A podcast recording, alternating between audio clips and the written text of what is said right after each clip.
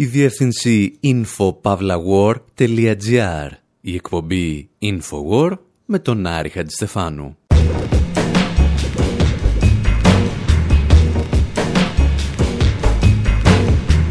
όπου σήμερα αναρωτιόμαστε εάν οι οπαδοί του πολιτικά ορθολόγου είναι ελαφρώς πιο επικίνδυνοι από τον Ντόναλτ Τραμπ και την φασίζουσα δεξιά. Ζητάμε γι' αυτό τη βοήθεια του South Park αλλά και των Monty Python.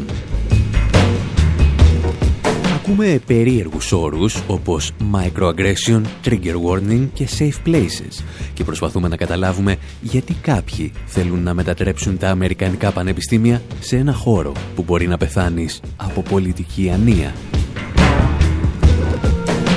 Υποπτευόμαστε ότι όσοι ξεσπάθωσαν τις τελευταίες ημέρες εναντίον της ελληνοφρένειας και του blogger Πιτσιρίκου ίσως και να ανέχονταν τον Ντόναλτ Τραμπ εάν ήταν λιγουλάκι πιο ευγενικός. Κυρίως όμως εάν σταματούσε να μιλά για τάξεις, όπως έκανε και η Χίλαρη Κλίντον.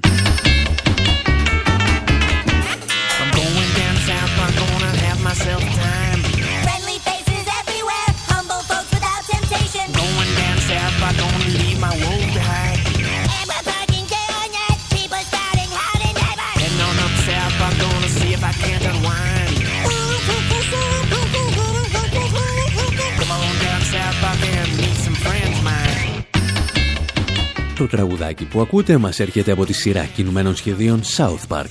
Για την ακρίβεια, το ηχογραφήσαμε από το πρώτο επεισόδιο του 19ου κύκλου. Γιατί το South Park έκλεισε το 2016 δύο δεκαετίες ζωής. Θυμηθήκαμε το συγκεκριμένο κύκλο γιατί ήταν ο πρώτος στον οποίο έκανε τόσο δυναμικά την εμφάνισή του ο Ντόναλτ Τραμπ.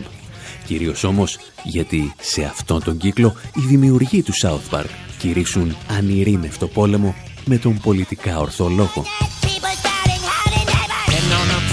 Και όλα ξεκινούν όταν φτάνει στην πόλη ο νέος διευθυντής του σχολείου.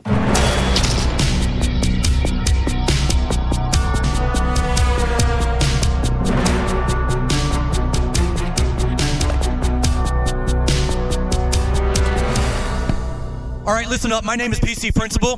I don't know about you, but frankly, I'm sick and tired of how minority groups are marginalized in today's society. Λοιπόν, ακούστε με καλά. Λέγομαι πολιτικά ορθός διευθυντής. Δεν ξέρω για εσάς, αλλά έχω βαρεθεί να βλέπω οι μειονότητες να περιθωριοποιούνται στη σημερινή κοινωνία. Είμαι εδώ γιατί αυτός ο τόπος χάθηκε σε μια χωροχρονική σκουλικότρυπα. Υπάρχουν μαθητές που ακόμη χρησιμοποιούν τον όρο καθυστερημένος. Θα σας ρωτήσω το εξής. Είμαστε στο Κολοράντο. Πού είναι τα Ισπανόφωνα παιδιά, πού είναι οι εθνικές και φιλετικές μειονότητες; Έψαξα το South Park πριν έρθω εδώ και δεν μπορώ να πιστέψω πόσο τραγικοί είστε. Υπάρχουν άνθρωποι άνθρωποι που δηλώνουν διεμφυλικοί για να χρησιμοποιούν και τις τουαλέτες των γυναικών.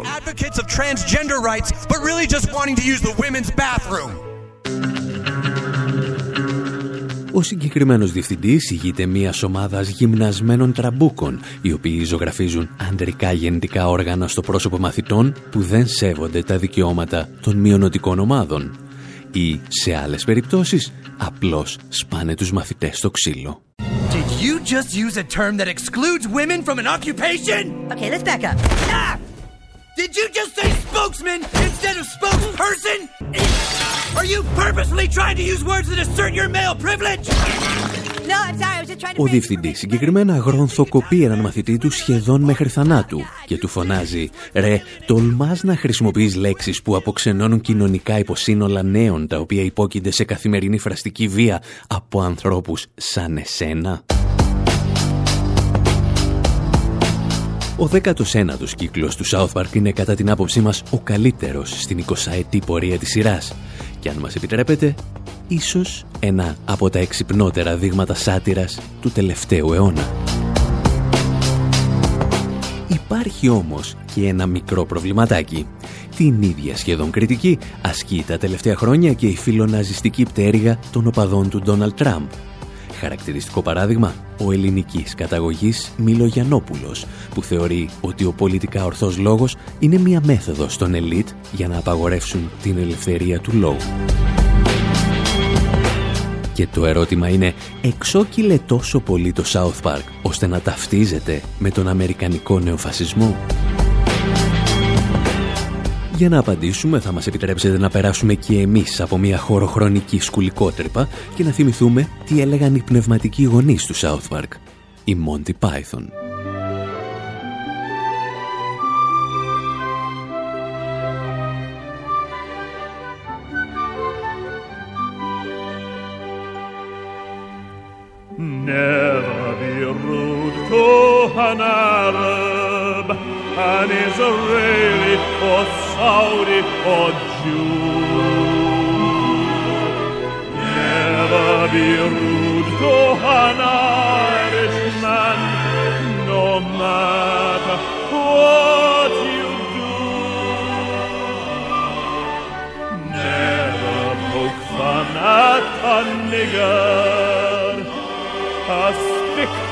Or a whoop or a clout.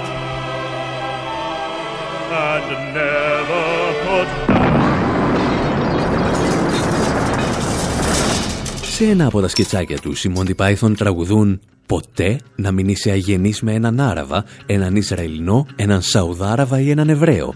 Ποτέ μην κοροϊδεύεις τους νέγρους, τους βρωμολατίνους, τους παλιομετανάστες της Νότιας Ευρώπης ή τους κολογερμαναράδες και ύστερα, στο ίδιο σκετσάκι, κάποιος ανατινάζει τον τραγουδιστή. Οι Monty Python αποτελούσαν, όπως είχε πει ο Νόμ Τσόμσκι, την πιο αναρχική εκδοχή της σύγχρονης σάτυρας. Κανείς δεν μπορεί να τους κατηγορήσει για ρατσισμό, ξενοφοβία ή ομοφοβία. Πιστεύουμε όμως ότι σήμερα ο τρόπος με τον οποίο ασκούσαν κριτική στο ρατσισμό, την ξενοφοβία και την ομοφοβία θα εξόργιζε τους οπαδούς του πολιτικά ορθουλόγου όπως εδώ που τραγουδούν «Μου αρέσουν οι Κινέζοι, γιατί μπορεί να μου φτάνουν μέχρι το γόνατο, αλλά είναι πάντα πρόθυμοι να ικανοποιήσουν κάθε επιθυμία μου». The world today seems absolutely crackers. With nuclear bombs to blow us all sky high. There's fools and idiots sitting on the trigger. It's depressing and it's senseless and that's why I like Chinese. I like Chinese. They only come up to your knees, yet they're always friendly and they're ready to please. I like Chinese. I like Chinese. There's 900 million of them in the world today. You'd better learn to like them, that's what I say. I like Chinese. I like Chinese. They come from a long way overseas. But they're cute and they're cuddly and they're ready to please. Για να καταλάβετε πόσο παλιό είναι αυτό το τραγούδι, οι Κινέζοι ήταν ακόμη τότε μόνο 900 εκατομμύρια σε όλο τον πλανήτη. Ήταν η εποχή που οι Monty Python έκαναν ό,τι μπορούσαν για να ενοχλούν τον κόσμο. Και δυστυχώς για αυτούς, ο κόσμος τότε δεν ενοχλούνταν και τόσο εύκολα. Tonight we're going to take a look at how to irritate people. Now, if you want to irritate people purely for pleasure, Σήμερα θα δούμε πώς να ενοχλεί τον κόσμο. Αν θέλετε να ενοχλείτε μόνο για την προσωπική ευχαρίστηση, πρέπει να τηρείτε ένα θεμελιώδη κανόνα. Ποτέ μην τους οδηγείτε στα άκρα. Αν το παρακάνετε, θα εκραγούν από την οργή και θα αρχίσουν να φωνάζουν και να γίνονται επιθετικοί. Έτσι όμως απελευθερώνεται όλη η ένταση και η δυσφορία την οποία οικοδομήσαμε με τόσο κόπο. Και σίγουρα δεν θέλουμε να συμβεί αυτό. Με λίγη προσοχή και επιτεξιότητα μπορούμε να κρατάμε αυτή την οργή μέσα τους για εβδομάδες ή ακόμα και μήνες. Αν είστε τυχεροί, μπορεί να αποκαλέσετε νευρικό κλονισμό ή ακόμα καλύτερα την καταστροφή εγκεφαλικών κυτάρων.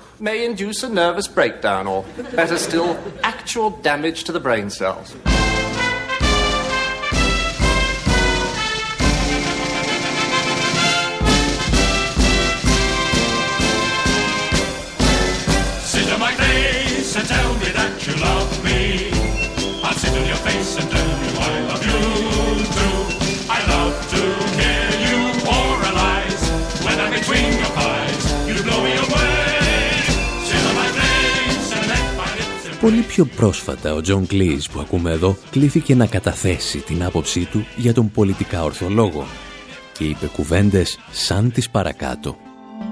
I'm offended every day. For example, the British newspapers every day offend me with their laziness. Με προσβάλλουν καθημερινά. Με προσβάλλουν, ας πούμε, οι βρετανικές εφημερίδες με την τεμπελιά τους και την κακία τους. Δεν θέλω όμως να απαγορεύσει κάποιος την κυκλοφορία τους. Θέλω απλώς να μπορώ να τις κατακρίνω.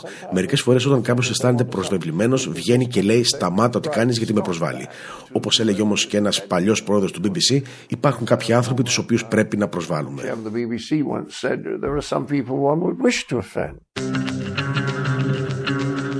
Δικαίωμα στην προσβολή των άλλων, λοιπόν. Ο Τζον Κλίζ όμως δεν έχει ολοκληρώσει ακόμη τη σκέψη του. Φτάνουμε στο σημείο όπου κάποιοι του λένε να μην δίνει ομιλίες σε πανεπιστήμια been warned recently don't go to most university campuses because the political correctness has been taken. Με έχουν προειδοποιήσει να μην πηγαίνω σε εκδηλώσεις πανεπιστημίων γιατί εκεί έχει χαθεί το νόημα της πολιτικής ορθότητας. Αντί να είναι κάτι θετικό που προστατεύει αυτούς που δεν μπορούν να προστατεύσουν τον εαυτό τους, φτάσαμε στο σημείο να χαρακτηρίζει απάνθρωπη κάθε μορφή κριτικής. Η ουσία όμως του χιούμορ και της κομμωδίας, και πιστέψτε με το έχω ψάξει πολύ αυτό, είναι να ασκεί κριτική. Κάθε μορφή χιούμορ είναι επικριτική. Αν αρχίσει να λες δεν πρέπει να κριτικάρουμε κάποιον για να μην τον προσβάλλουμε, το χιούμορ εξαφανίζεται. Και μαζί με το χιούμορ εξαφανίζεται και η αντίληψη πραγματικότητας. Και ύστερα, σε ό,τι με αφορά, συνειδητοποιήσω ότι ζεις στο 1984.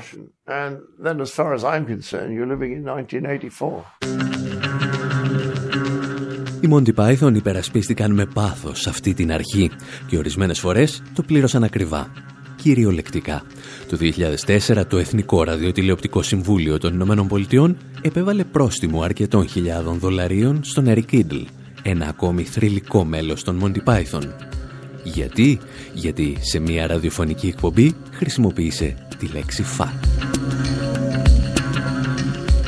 Αυτός απάντησε γράφοντας το παρακάτω τραγούδι και υπολόγισε ότι αν το μετέδιδε από το ραδιόφωνο θα του στήχιζε περίπου 250.000 δολάρια. Here's a little number I wrote the other day while out duck hunting with a judge.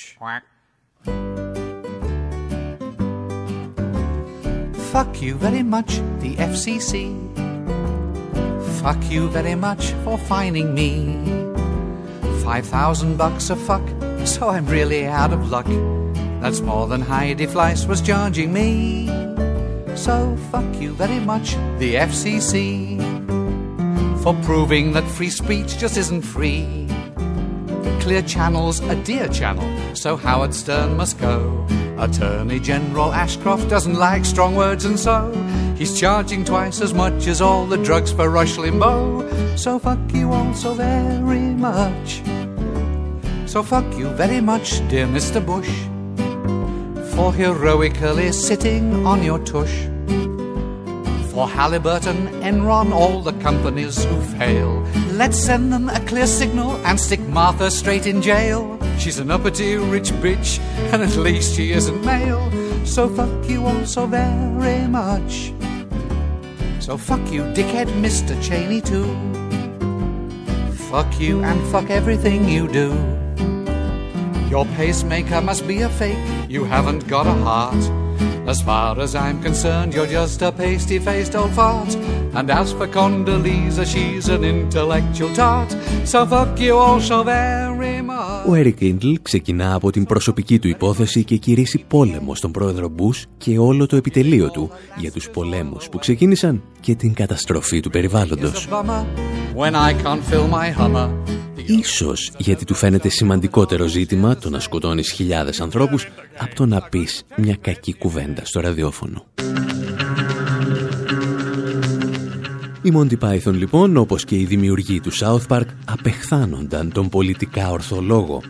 Το πρόβλημά μας όμως παραμένει Πώς γίνεται το ίδιο ακριβώς πρόβλημα να έχουν και οι Αμερικανοί νεοναζιστές, ο ακροδεξιός Νάιτζελ Φάραντ στη Βρετανία ή ο αντιπρόεδρος της Νέας Δημοκρατίας στην Ελλάδα, κύριος Άδωνης Γεωργιάδης; Γιατί όλοι αυτοί συμφωνούν ότι πρόκειται για μια μορφή περιορισμού της ελευθερίας της έκφρασης ή ακόμη και απολυταρχισμού; Για να απαντήσουμε θα πρέπει να παρακολουθήσουμε την ιστορία του όρου πολιτική ορθότητα Κάποιοι λένε ότι έχει τις ρίζες της στο έργο του Πλάτωνα. Κάποιοι άλλοι τη συνδέουν με τον Στάλιν και τα μαύρα χρόνια της Σοβιετικής Ένωσης. Εμείς πάλι θέλουμε να μιλήσουμε και για το σήμερα και το τι σημαίνει να θες να πεις τη γνώμη σου σε ένα νέο φιλελεύθερο πανεπιστήμιο της Αγγλίας ή των Ηνωμένων Πολιτειών. Όλα αυτά όμως στο δεύτερο μέρος της εκπομπής. Εσείς να θυμάστε πάντα ότι αν τέτοιου είδους ιστορίες σας φαίνονται ενδιαφέρουσες, θα βρείτε χιλιάδες αποδάφτες στη σελίδα μας info.pavlawar.gr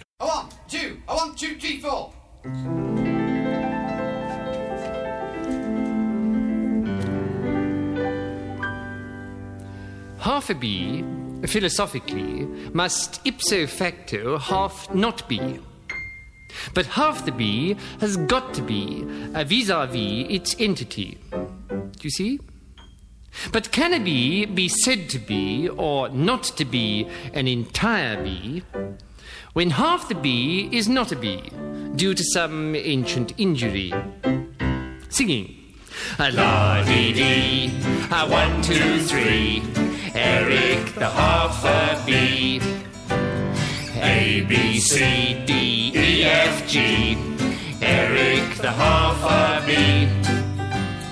Is this a wretched demi-bee, half asleep upon my knee? Some freak from a menagerie? No, it's Eric the half a bee.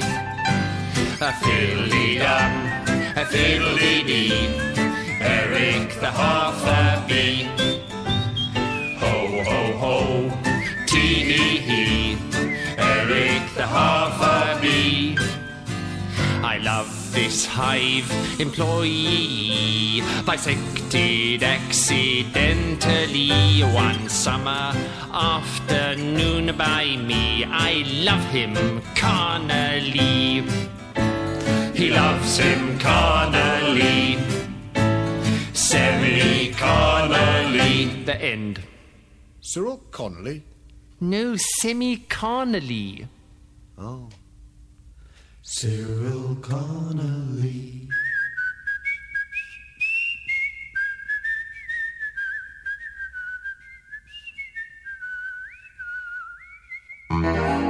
Whenever life gets you down, Mrs. Brown, and things seem hard or tough, and people are stupid, obnoxious, or daft, and you feel that you've had quite enough. Just remember that you're standing on a planet that's evolving and revolving at 900 miles an hour. That's orbiting at 19 miles a second, so it's reckoned a sun that is the source of all our power. The sun and you and me and all the stars that we can see are moving at a million miles a day. In an outer spiral arm at 40,000 miles an hour of the galaxy we call the Milky Way.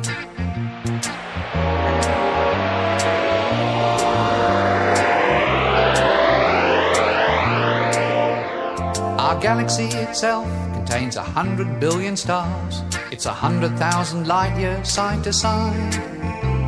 It bulges in the middle, 16,000 light years thick, but out by us it's just 3,000 light years wide. We're 30,000 light years from galactic central point.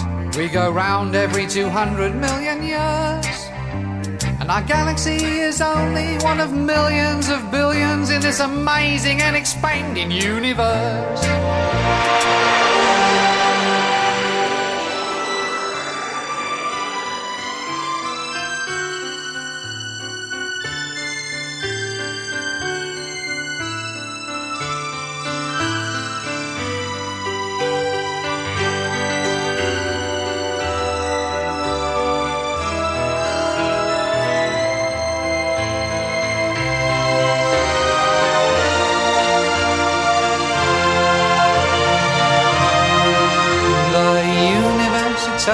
Keeps on expanding and expanding in all of the directions it can whiz. As fast as it can go, at the speed of light, you know. 12 million miles a minute, and that's the fastest speed there is. So remember when you're feeling very small and insecure, how amazingly unlikely is your birth. And pray that there's intelligent life somewhere up in space, cause there's bugger all down here on Earth.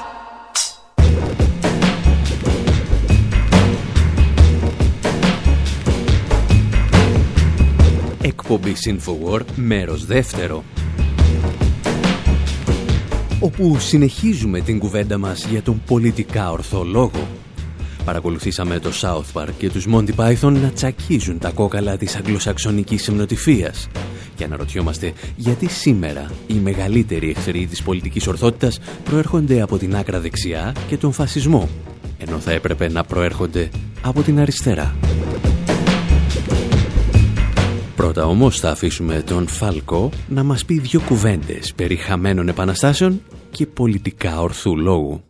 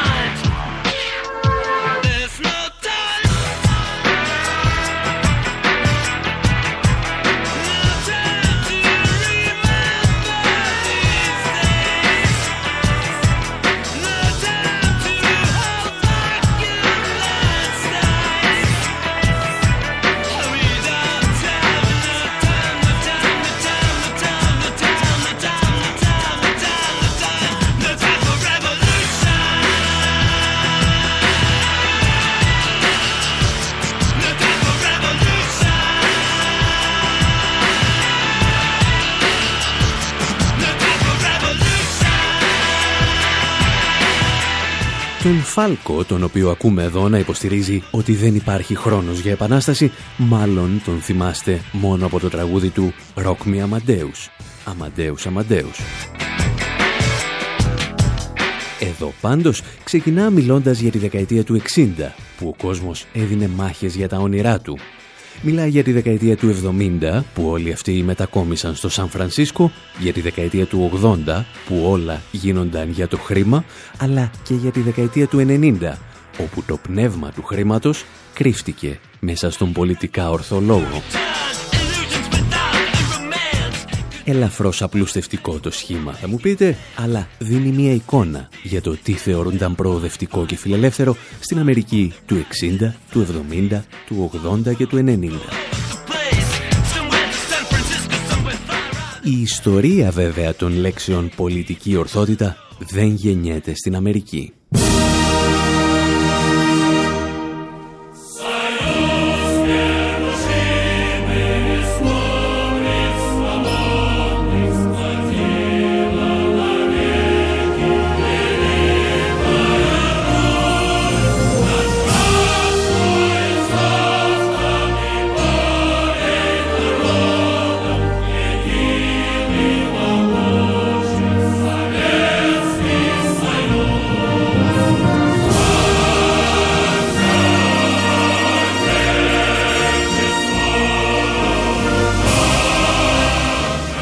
Αν και ορισμένοι εντοπίζουν αναφορές στην πολιτική ορθότητα ακόμη και στον Πλάτωνα ή σε κείμενα Αμερικανών δικαστών του 1793, κρίνουμε σκόπιμο να ξεκινήσουμε την ιστορία μας από τα μέσα του 20ου αιώνα.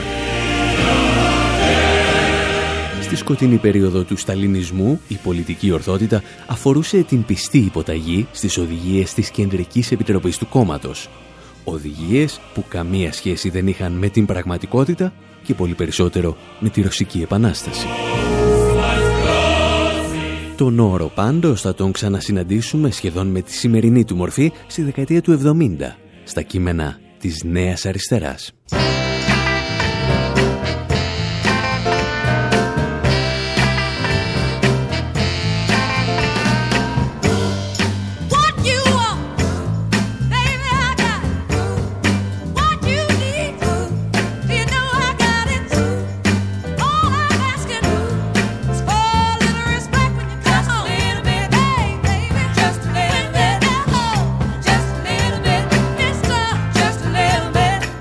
Καθώς το κίνημα των μαύρων αλλά και το κίνημα των ΛΟΑΤ διεκδικούν τον σεβασμό που δικαιούνται, οι λέξεις έχουν σημασία γιατί αντικατοπτρίζουν μια κοινωνική πραγματικότητα, μια κοινωνική επανάσταση. Ήδη βέβαια από τη δεκαετία του 70 η πολιτική ορθότητα αποκτά και ηρωνική σημασία. Το φεμινιστικό κίνημα την χρησιμοποιεί για να αυτοσαρκάσει τη δική του υπερορθοδοξία και τις ακρότητες ορισμένων μελών του. Και ύστερα έρχεται ο νεοφιλελευθερισμός της δεκαετίας του 80. Κάποιοι επιχειρούν να μας πείσουν ότι δεν αλλάζει η κοινωνική πραγματικότητα τη γλώσσα, αλλά η γλώσσα μπορεί να επηρεάσει την κοινωνική πραγματικότητα. Σημασία, λένε, δεν έχουν οι συλλογικές δράσεις, αλλά οι ατομικές. Εάν εσύ αλλάξεις τον εαυτό σου, όλα τα προβλήματα της κοινωνίας θα λυθούν ως διαμαγείας. Η φιλελεύθερη Αμερική πιστεύει πλέον ότι αν σταματήσεις να αποκαλείς έναν μαύρο νέγρο θα βελτιωθούν οι όροι διαβίωσης στα γκέτο αν σταματήσεις να λες καθυστερημένο ένα φτωχό παιδί με προβλήματα νοητικής ανάπτυξης, θα αυξηθούν τα κονδύλια για τις δομές ψυχικής υγείας. Και αν τέλος τα πρεζόνια γίνουν τοξικό εξαρτημένα άτομα, οι αιτίες που οδηγούν στη χρήση ναρκωτικών θα εξαφανιστούν. Και κάπου εκεί ξεκινά ένας παραλογισμός που θα έκανε τον Κάφκα να μας κοιτάζει με δέος και φόβο Ας αφήσουμε όμως και πάλι το South Park να μας εξηγήσει τι ακριβώς έχει συμβεί.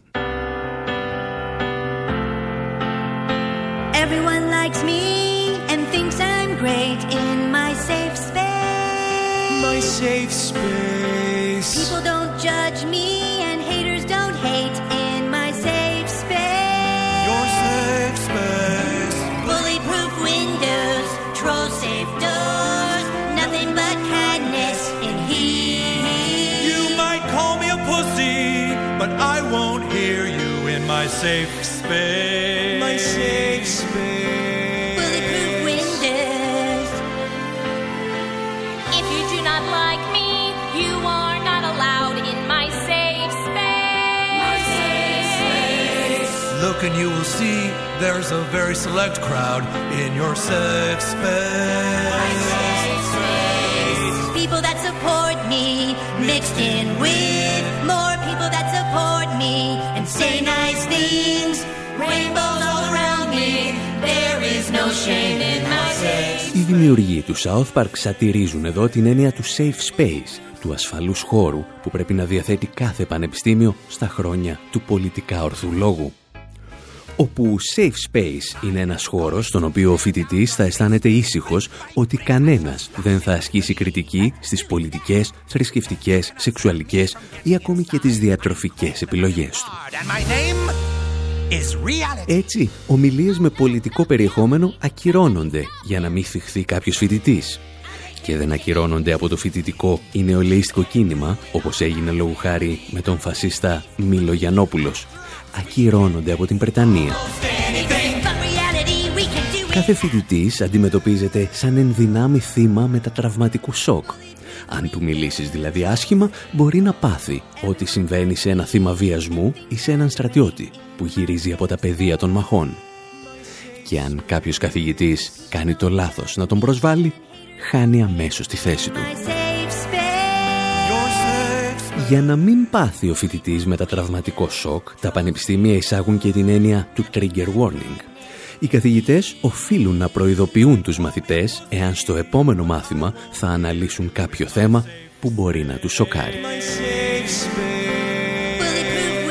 Μαζί όμως με το safe space και το trigger warning πρέπει όλοι να ελέγχουν και για τυχόν παραπτώματα microaggression. Δηλαδή να μην προσβάλλουν ασυνείδητα συγκεκριμένες μειονότητες με λέξεις και φράσεις που διονίζουν συγκεκριμένα στερεότυπα. Να μην λες λόγου χάρη spokesman που σημαίνει εκπρόσωπος τύπου αλλά περιλαμβάνει το συνθετικό άντρας.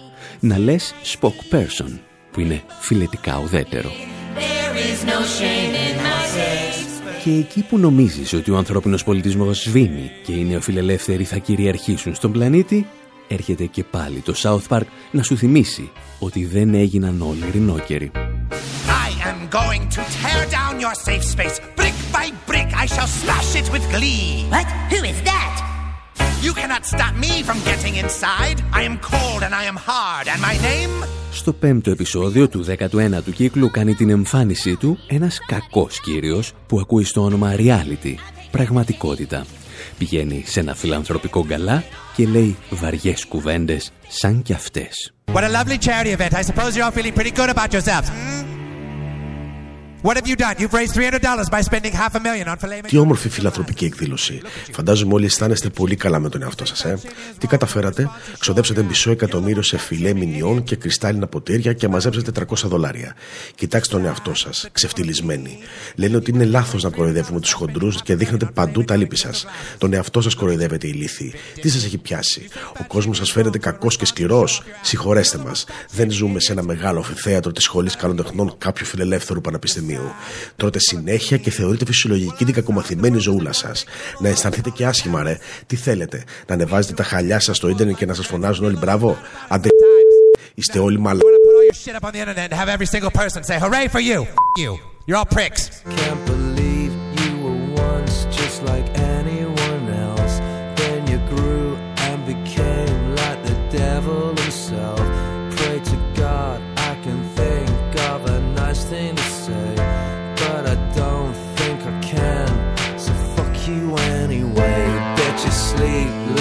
Child with your thumb in your mouth. I could creep up your side, put a gun in your mouth. Makes me sick when I hear all the shit that you say. So much crap coming out, it must take you all day. There's a space kept in hell with your name on the seat. With a spike in the chair just to make it complete. When you look at yourself. You see what I see? If you do, why the fuck are you looking at me?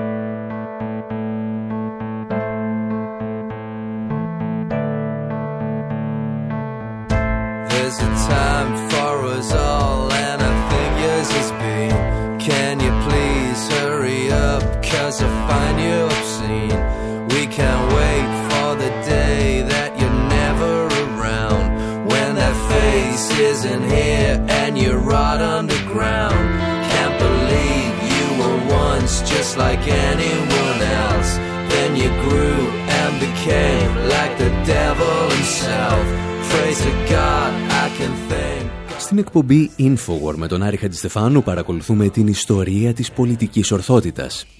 Και ίσως να θέλουμε έτσι να εξηγήσουμε με όρους πολιτικής οικονομίας τις λισαλέες επιθέσεις που δέχθηκε πρόσφατα η εκπομπή Ελληνοφρένια και ο blogger Πιτσιρίκος. Γιατί είπαν λέει παλιοκουβέντες και πήραζαν τα κορίτσια στο δρόμο. Στη δική μας ιστορία έχουμε φτάσει σε εκείνη τη στιγμή όπου ο πολιτικά ορθός λόγος φτάνει σε σημεία παροξισμού και έρχεται τότε μία εξίσου άρρωστη αντίδραση. Τα φιλοναζιστικά και ακροδεξιά στοιχεία που στηρίζουν τον πρόεδρο Τραμπ βγαίνουν στην πρώτη γραμμή για να χτυπήσουν την πολιτική ορθότητα το ίδιο κάνει ο Νάιτζελ Φάραντ στη Μεγάλη Βρετανία, ενώ στην Ελλάδα ακούμε συχνά τον Άδωνη Γεωργιάδη, αντιπρόεδρο της Νέας Δημοκρατίας, να τα βάζει με τον πολιτικά ορθολόγο. Και επειδή σε όλες αυτές τις χώρες μεγάλα τμήματα της αριστεράς έχουν ξεχάσει πως είναι να έχεις δικές σου ιδέες και ξέρουν μόνο να ετεροπροσδιορίζονται σαν απάντηση στην άκρα δεξιά, πέφτουν στην παγίδα αντί να καταδικάσουν τον πολιτικά ορθό λόγο σαν ένα δημιούργημα του νεοφιλελευθερισμού, τον ασπάζονται, όπως κάνουν και οι Πριτάνοι των Βρετανικών και Αμερικανικών πανεπιστημίων. Το 2015 όμως συμβαίνει και κάτι άλλο. Δημιουργείται στις Ηνωμένες Πολιτείες ένα ισχυρό φοιτητικό κίνημα με πολιτικά αιτήματα Μεταξύ άλλων ζητούν μείωση των διδάκτρων, αυξήσεις στους μισθούς των διδασκόντων, αποδέσμευση της έρευνας από την πολεμική βιομηχανία και ενίσχυση των οικονομικά ασθενέστερων φοιτητών. Και πολλά άλλα. Κανένα από αυτά τα αιτήματα δεν φτάνουν στα μέσα ενημέρωσης. Τα μόνα αιτήματα που ακούγονται είναι όσα αφορούν την μάχη απέναντι στα στερεότυπα. Μια μάχη δίκαιη και αναγκαία η οποία όμως αγνοεί τις κοινωνικές και οικονομικές συνθήκες που δημιουργούν το πρόβλημα.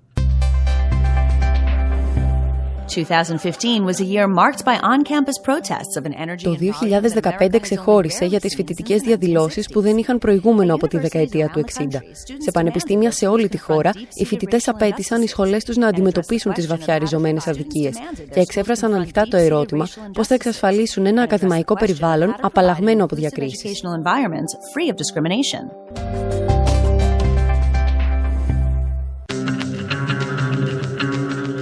Μήπως όλα αυτά σας θυμίζουν και κάτι άλλο; Είναι ο τρόπος με τον οποίο οι φιλελεύθεροι στις Ηνωμένες Πολιτείες παρέδωσαν την εξουσία στον Ντόναλτ Τραμπ, προκειμένου να μην γίνει πρόεδρος ο Σάντερς.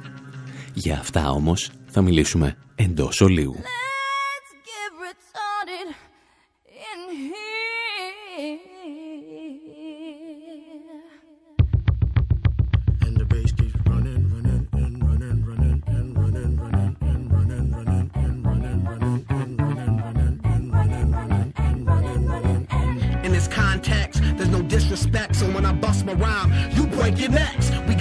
Minutes for us to disconnect from all intellect and let the rhythm affect us to lose our inhibition. Follow your intuition, free your inner soul and break away from tradition. Cause when we be out, girl, it's pulling we out. You wouldn't believe how we wow shit out. We burn it till it's burned out, turn it till it's turned out. Act up from northwest, east side. Everybody, everybody, let's get into it. Get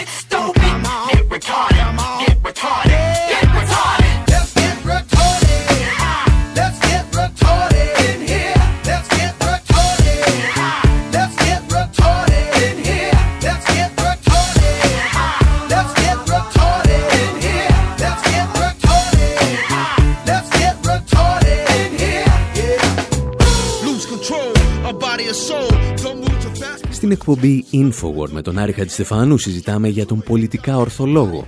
Συζητάμε για όσους θέλησαν να αντικαταστήσουν τη λέξη τάξη με τις λέξεις ατομικά δικαιώματα. Για όσους πίστεψαν ότι η γλώσσα που χρησιμοποιούμε καθορίζει την κοινωνική πραγματικότητα και όχι η πραγματικότητα τη γλώσσα. Αυτό δηλαδή που έκανε η Χίλαρη Κλίντον. Equality is, of course, about passing laws, but it also is changing hearts. Φυσικά η ισότητα έχει να κάνει με την εφαρμογή νόμων, αλλά έχει να κάνει και με την αλλαγή στον τρόπο σκέψης. Είναι ανάγκη να χτίσουμε μια Αμερική όπου κανένας δεν θα ανησυχεί ότι θα παντρευτεί το Σάββατο και θα απολυθεί τη Δευτέρα όπου τα παιδιά δεν πέφτουν θύματα bullying μόνο και μόνο για αυτό που είναι και όπου ο κάθε Αμερικανός έχει την ευκαιρία να ζήσει με τις δυνατότητες που του χάρισε ο Θεός ανεξάρτητα από το ποιος είναι ή ποιον αγαπάει. or who they love.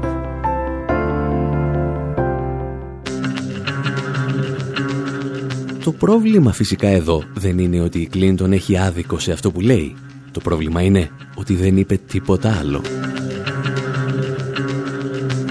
Όπως εξηγούσε ο Αμερικανός κοινωνιολόγος Άντολφ Ρίντ, αν αφαιρέσεις τις τάξεις από την ανάλυση σου, αυτό που απομένει είναι ένας αριστερός νεοφιλελευθερισμός. Δεν σε ενδιαφέρει εάν το 1% του πληθυσμού ελέγχει το 90% του πλούτου. Το μόνο που θες είναι σε αυτό το 1% το 12% να είναι μαύροι, το 12% λατίνοι, 50% γυναίκες και ό,τι απομένει να το μοιράζονται λεσβίες, ομοφιλόφιλοι, αμφιφιλόφιλοι και transgender. Η αμερικανική κοινωνία όμως, ακόμη και αν ανήκε σε αυτές τις ομάδες, δεν ενδιαφερόταν για τη σύσταση του 1%, αλλά για το τι θα γίνει με το 99%. Η μάχη στις εκλογές ήταν ταξική αλλά με ένα στρεβλό τρόπο. Ο Τραμπ και ο Σάντερς υπόσχονταν να δώσουν τη μάχη για οικονομική δικαιοσύνη. Ο πρώτος το έλεγε για να μαζέψει ψήφους και ο δεύτερος γιατί το εννοούσε. Οι φιλελεύθερες οικονομικές ελίτ το γνώριζαν και φρόντισαν να εξαφανίσουν το Σάντερς. Πιάνοντας τη μύτη τους από αιδεία, έδωσαν τη νίκη στον Τραμπ. Περίπου δηλαδή ότι είχε κάνει και η οικονομική ελίτ της Γερμανίας στα τελευταία χρόνια της δημοκρατίας της Βαϊμάρης.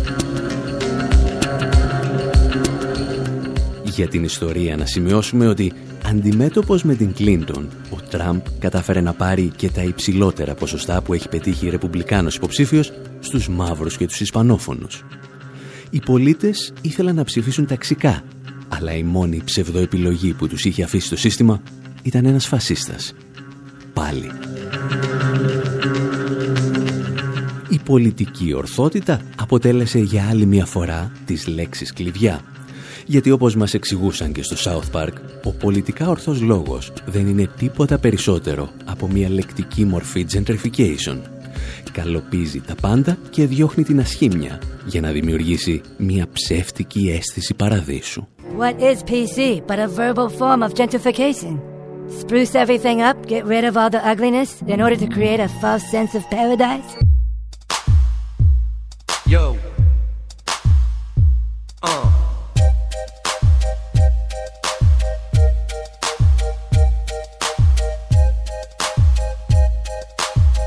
Uh, come on. I've been so lonely, girl. I've been so sad and down. Couldn't understand why haters joked around. I wanted to be free with other creatures like me, and now I got my wish. Cause I know that I'm a gay fish, gay fish, gay fish, yo. Motherfucking gay fish, gay fish. I'm a fish, yo. Going on a gay fish, It's alright, girl. Making love to other gay fish, gay fish. Uh, all those lonely nights at the grocery Και αν τυχαίνει να ζείτε και εσείς σε μια χώρα της δύση, όπου το μόνο θετικό που θα αφήσει πίσω της η κυβέρνηση είναι ο γάμος των γκέι, εάν οι άνθρωποι έχουν αξία σαν μονάδες και σαν μειονότητες, αλλά εξανδραποδίζονται σαν πολίτες και σαν εργαζόμενοι, σκεφτείτε μήπως χρειάζεται λίγο περισσότερο South Park στη ζωή σας.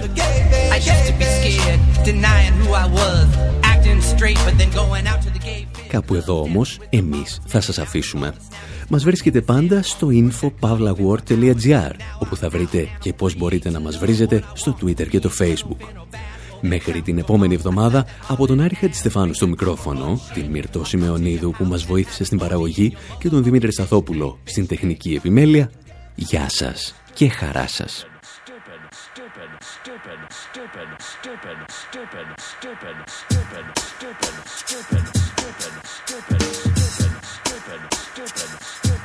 stupid.